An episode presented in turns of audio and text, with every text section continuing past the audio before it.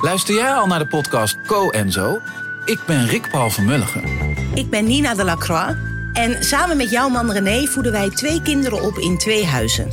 Co-ouderschap. We hebben het over alles wat je daarin tegenkomt. Maar ook over de juice tijdens onze kinderloze dagen, want die heb je ook in het co-ouderschap. Een podcast voor alle ouders in alle vormen, maar ook voor alle mensen zonder kinderen. Zijn we eerlijk, heerlijk herkenbaar. Dus luister naar Co en Zo in je favoriete podcast-app.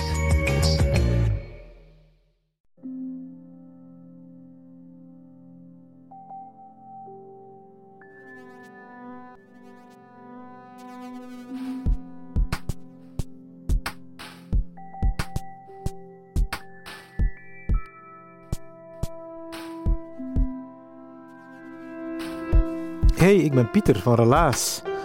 In Relaas hoor je waar gebeurde verhalen en die worden verteld door de mensen die ze zelf hebben meegemaakt.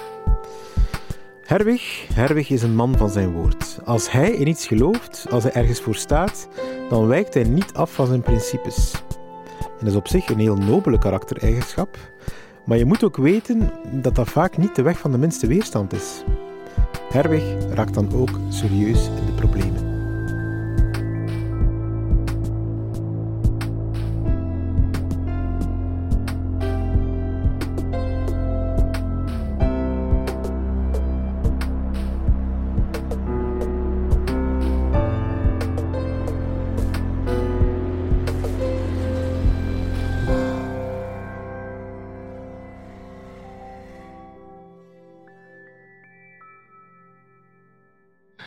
Het is eh, 4 februari 1980. Het was een maandagmorgen, putje winter, en ik sta voor de poort van het klein kasteeltje. Nu, waarom was ik aan eh, het klein kasteeltje? Ik werd daar eh, uitgenodigd, of ik moest daar naartoe, om eh, na te gaan of ik geschikt was om mijn legerdienst te doen. Dus ik stap daar binnen, s morgens om 8 uur eh, 30. Ik doorloop de fysieke proeven om te zien of ik eh, geschikt was voor de dienst. Ja, op de middag bleek dat ik eh, inderdaad geschikt was eh, voor een legerdienst. Snamiddags volgden dan de psychologische proeven. En na het middageten eh, ja, roepen ze ons allemaal bijeen en ze zeggen, oké, we beginnen aan de psychologische proeven. Ik zeg tegen die man, oh, stop, voor mij houdt het hier op. Ik kan dat niet met mijn geweten in overeenstemming brengen om soldaat te worden. Nu, vooraleer dat ik verder ga met mijn verhaal, wil ik toch iets vertellen over mijn thuissituatie. Dus ik ben grootgebracht in eh, een klein dorpje in Hits. Ja, tussen de boeren, zeg maar. Een patatendorpje van eh, amper eh, 3500 zielen. En ja, mijn wereldje dat speelde zich af op een heel klein, eh, heel kleine oppervlakte tussen, eh, laten we zeggen, Roeselare en Brugge. Ik was nog nooit nergens geweest, nooit in het buitenland geweest. Mijn ouders waren zelfstandig, keiharde werkers. En vooral mijn vader, die was bij de para, eh, paracommando's geweest. Dus die had een legerdienst van twee jaar erop zitten. Die vond dat ook wel heel belangrijk om je legerdienst te vervullen en om het vaderland te verdedigen. Goed, ik kom terug op mijn verhaal van daarnet, dus ik zeg tegen die man, ja, ik kan dat dus niet met mijn geweten in overeenstemming brengen. Hoe zegt die man? Eh, ja, eh, ik zal ik u naar de commandant brengen van het klein kasteeltje. Dus die man, ja, zegt, eh, zet u dan maar, eh, wat scheelt? Ik zeg, ja, kijk, ik kan dat niet met mijn geweten in overeenstemming. Ja, wat is het probleem? Wel, ik was, eh, dat wil ik toch ook wel nog even meegeven, ik was een tweetal jaar voordien was ik in, in contact gekomen met Jehovah's getuigen. En getuigen van Jehovah, die worden dus geen soldaat. Nu, om geen misverstand te hebben, ik ben dat vandaag nog altijd. Hè. We zijn 42 jaar verder, dus dat was echt geen bevlieging. Die man zegt, ja, oké, dat was eigenlijk een hele vriendelijke man. Ja, als dat zo is, uh, oké, niks aan te doen. Maar dan moet ik u naar het uh, justitiepaleis laten brengen in Brussel, naar de krijgsauditeur, gaat er ondervraagd worden. Ik bel de militaire politie, die komen u ophalen. En zo gezegd, zo gedaan. Dus de militaire politie, die komt me ophalen. Ik uh, stap in die camionet. Ja, dat was dus met zwaailicht en met sirene door Brussel. Ik dacht, wat is dat hier en waarom is dat eigenlijk nodig? Enfin, tot vandaag is me daar nooit geen antwoord op gegeven waarom dat, dat zo is. Of was. Maar kijk, uh, het was nu eenmaal zo. Dus ik kom in het justitiepaleis, kom voor de krijgsauditeur. De krijgsauditeur wordt geflankeerd door twee officieren. Moet zeggen, dat was wel een arrogante kerel. En uh, manneke, ja, uh, zeg een keer, wat scheelt eraan? Hè? Gaat ik een beetje interessant doen?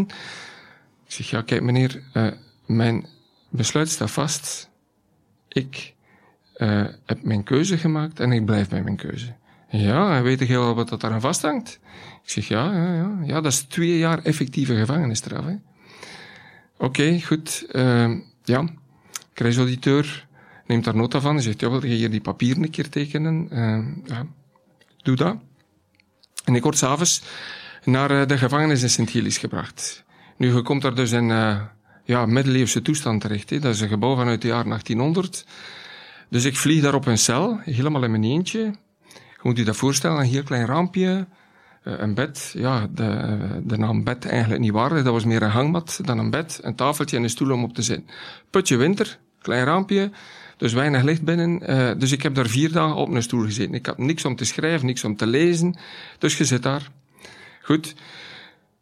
Wat blijkt? S'morgens om vijf uur dertig wordt hij dan gewekt. Waarom? Ik weet het vandaag ook nog altijd niet, maar om vijf uur dertig moest je uit je bed. Alles moest van je bed, alles opgeplooid worden, bed tegen de muur. Je mocht dus niet op je bed gaan liggen en je zat daar. En s'morgens om vijf uur dertig gaat de deur dus open en dan kwam daar een gast binnen.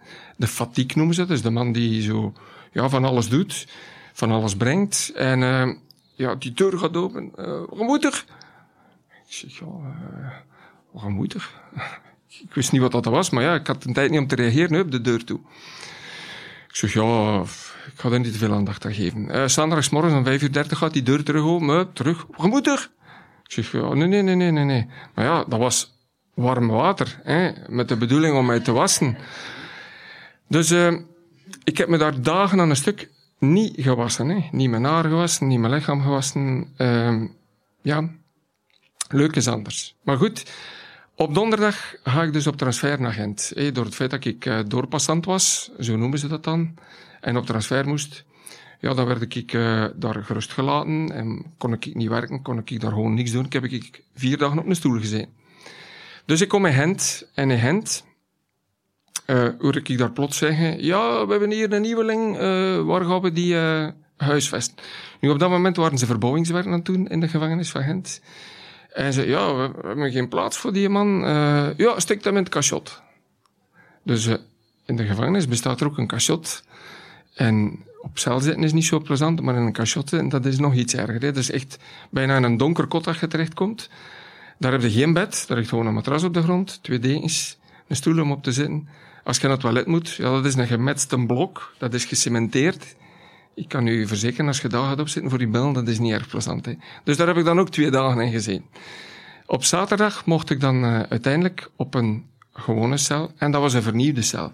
Dus dat was eigenlijk, ja, ik kwam bij wijze van spreken, ik zat wel in het gevangen, maar dat was bijna een vijfsterrenhotel waar ik terecht kwam. Volledig vernieuwd. Goed, dus mijn ouders komen op bezoek. Ja, je kunt je voorstellen, mijn vader, zo'n voorstander van uh, ja, het vaderland te gaan dienen. Ja, dat was daar echt een beklemmende sfeer. Ik denk dat mijn ouders daar ongeveer een half uur gezeten hebben voordat het eerste woord eruit kwam. Mijn moeder blokkeerde compleet, die weende. En mijn vader zei niks. Nu, dat was ook wel een beetje zijn karakter natuurlijk. Dat was een binnenvetter. Uh, ik spreek in verleden tijd, want mijn ouders leven niet meer. Dus ja, uh, vader zat daar. En dan, uh, ja, plots op een bepaald moment... Ja, en hoe is het? Ja, hoe is het? Ik stond daar zo. Dus ik had een broek gekregen. Echt een karte groot, een onderbroek. Ik kreeg geen riem in Gent. Ze waren waarschijnlijk bang dat ik me zou verhangen. Ik stond daar zo. Als ik dat losliet, viel alles gewoon naar beneden. Hè. En uh, ja, mijn vader en mijn moeder zagen dat. Ik was op dat moment nog niet gewassen geweest. Dus ik was de zondagavond nog een keer gaan douchen. Voordat ik de maandag naar het klein kasteeltje moest. Het was zaterdag namiddag en ik was nog niet gewassen. Mijn haar niet, dus ik was niet geschoren. Ja, ik kwam daar echt ja, als een bedelaar, als een sukkelaar bij mijn ouders en uh, die mensen keken hun ogen uit hun kop. Er is daar eigenlijk niet veel gezegd. Tot op mijn vader, tot op een bepaald moment dat mijn vader vroeg, ja, en hoe is het? Hè? Ja, oh ja, uh, ça va, hè? uh, ça va, ja, oké. En mijn vader begon gewoon te vertellen over het werk dat hij, dat was een zelfstandige, en hij begon gewoon te vertellen over zijn werk dat hij gedaan had in de week. Hij vroeg hij niet verder. Ja, een oorlogskind, mijn papa. En, en communiceren was helemaal zijn sterkste kant niet. Maar goed, ik had dan ook mijn aanvragen gediend om getransfereerd te worden naar Ruitseleden. Hm? Dat is al een paar keren op tv geweest, de gevangenis van Ruisleden. Je hebt dat misschien al gezien. En ik weet niet dat dat programma juist noemt. Kom er even niet op, maar het doet er ook niet toe. Dus ik kom naar Ruisleden. Goed. Oh, dat was natuurlijk ja, een wereld van verschil. Je komt er in een open gevangenis uh, terecht. En uh, ja, je mocht dus invullen welke job dat je dat graag zou doen. Ah, ik zeg ja, dat is hier een boerderij. Ik had als vakantiejob altijd bij de boeren gewerkt. Oh, ik zeg ja, met een tractor rijden. Uh, had ik op dat briefje geschreven, dat zou ik wel graag doen. Goed, de eerste weken mocht ik, uh, moest ik daar, was ik recreatieman en moest ik gazonnetjes gaan maaien, tuintjes gaan onderhouden enzovoort enzovoort. En op een bepaald moment word ik geroepen bij de directeur. Zegt hij, ah, strobandje, zegt hij, we hebben hier een job voor u, jij kunt tractorist worden. Is dat goed voor jou? Ik zeg, ja, fantastisch, hè, ja. Tractorist, daar heb ik altijd van gedroomd om dat te mogen doen. Dus zo gezegd, zo gedaan, ik word tractorist. Dus dat wil zeggen, ploegen, zaaien, uh, frezen, ja, noem maar op. Maar dat is ook met de strontkar rondrijden. Hè? Dus goed, op een bepaald moment zegt de chef boer, hè, zo werd dat toen genoemd, dat was de, de, de cipier die mij instructies gaf, of uh, zei wat ik moest doen die dag. En zegt uh, chef boer, ja, weet je wat, uh, trek vandaag maar een keer de, de alput leeg in de koeienstal.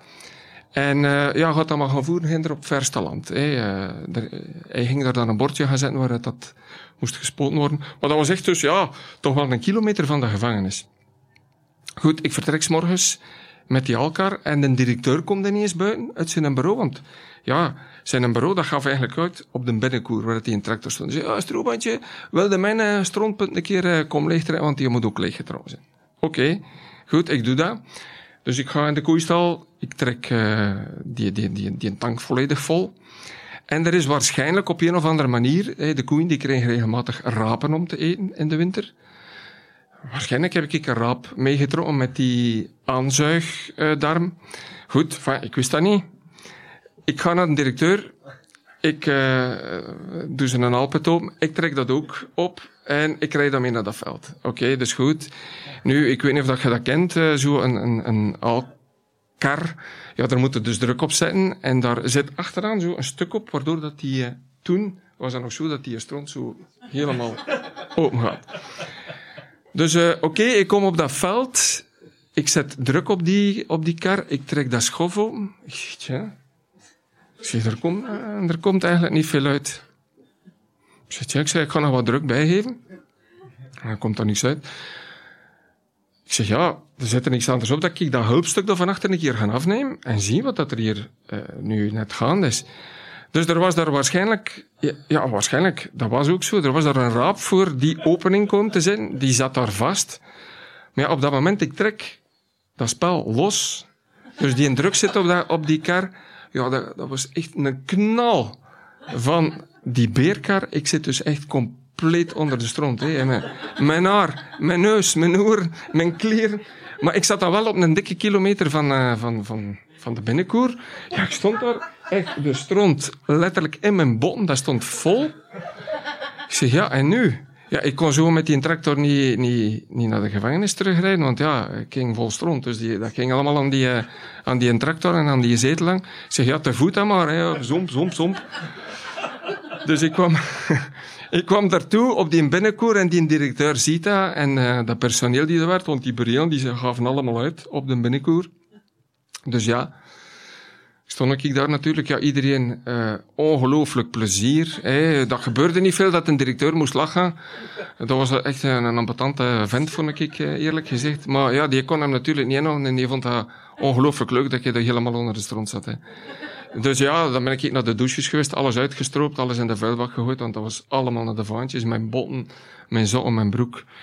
Enfin, dat was dus uh, mijn verhaal dat ik daar meegemaakt heb in uh, Ruisleden. Ik moet wel zeggen, ik heb daar eigenlijk een fantastische tijd beleefd. Uh, het heeft wel twee jaar geduurd natuurlijk, twee jaar achter slot en grendel.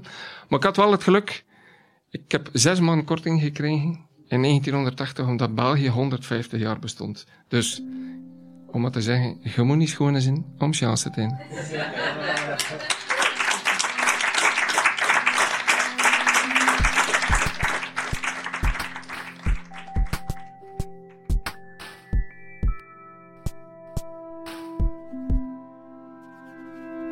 Dat was het relaas van Herwig. Hij heeft het verteld op Bar Bricolage in Gent. tijdens de zomer van 2021. Het was bij de ondergaande avondzon buiten. Ik heb er hele goede herinneringen aan aan dit verhaal. En tijdens de pauze had ik tijd om nog eventjes met Herwig na te praten over zijn relaas. En ik vroeg hem onder andere wat het voor hem betekende om van het ene op het andere moment volledig jouw vrijheid kwijt te raken.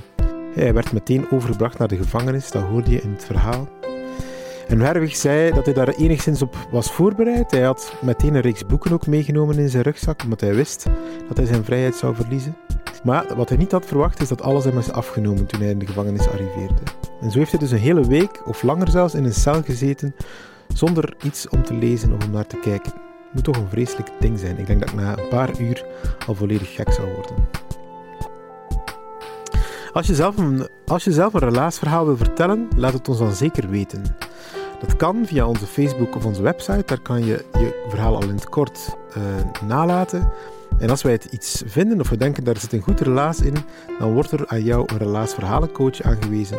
En die gaat stap, stap voor stap met jouw verhaal aan de slag tot het een volledig uitgewerkt relaas is. Je staat er dus zeker niet alleen voor. Relaas bestaat dankzij de fantastische hulp van een hele groep vrijwilligers in Gent, Brugge en Antwerpen. Zij helpen onze verhalen coachen, opnemen, maken er podcasts van, ze verspreiden die. Alles doen die mannen en vrouwen voor ons. We krijgen financiële steun van de afdeling cultuur van de Vlaamse gemeenschap en van de stad Gent. En als je deze podcast fijn vindt, toon ons dan je appreciatie. Je kan dit verhaal doorsturen naar iemand aan wie je moest denken toen je het verhaal hoorde. Of je kan ook vriend van de show worden. Op vriend van de show slash relaas, je moet het maar eens googlen. Daar kan je ook je appreciatie in geld uitdrukken. Wat wil, wat wil dat zeggen? Je kan ons tot vanaf 2 euro per maand betalen. En dan kunnen wij nog betere podcasts voor jullie maken en nog meer verhalen delen.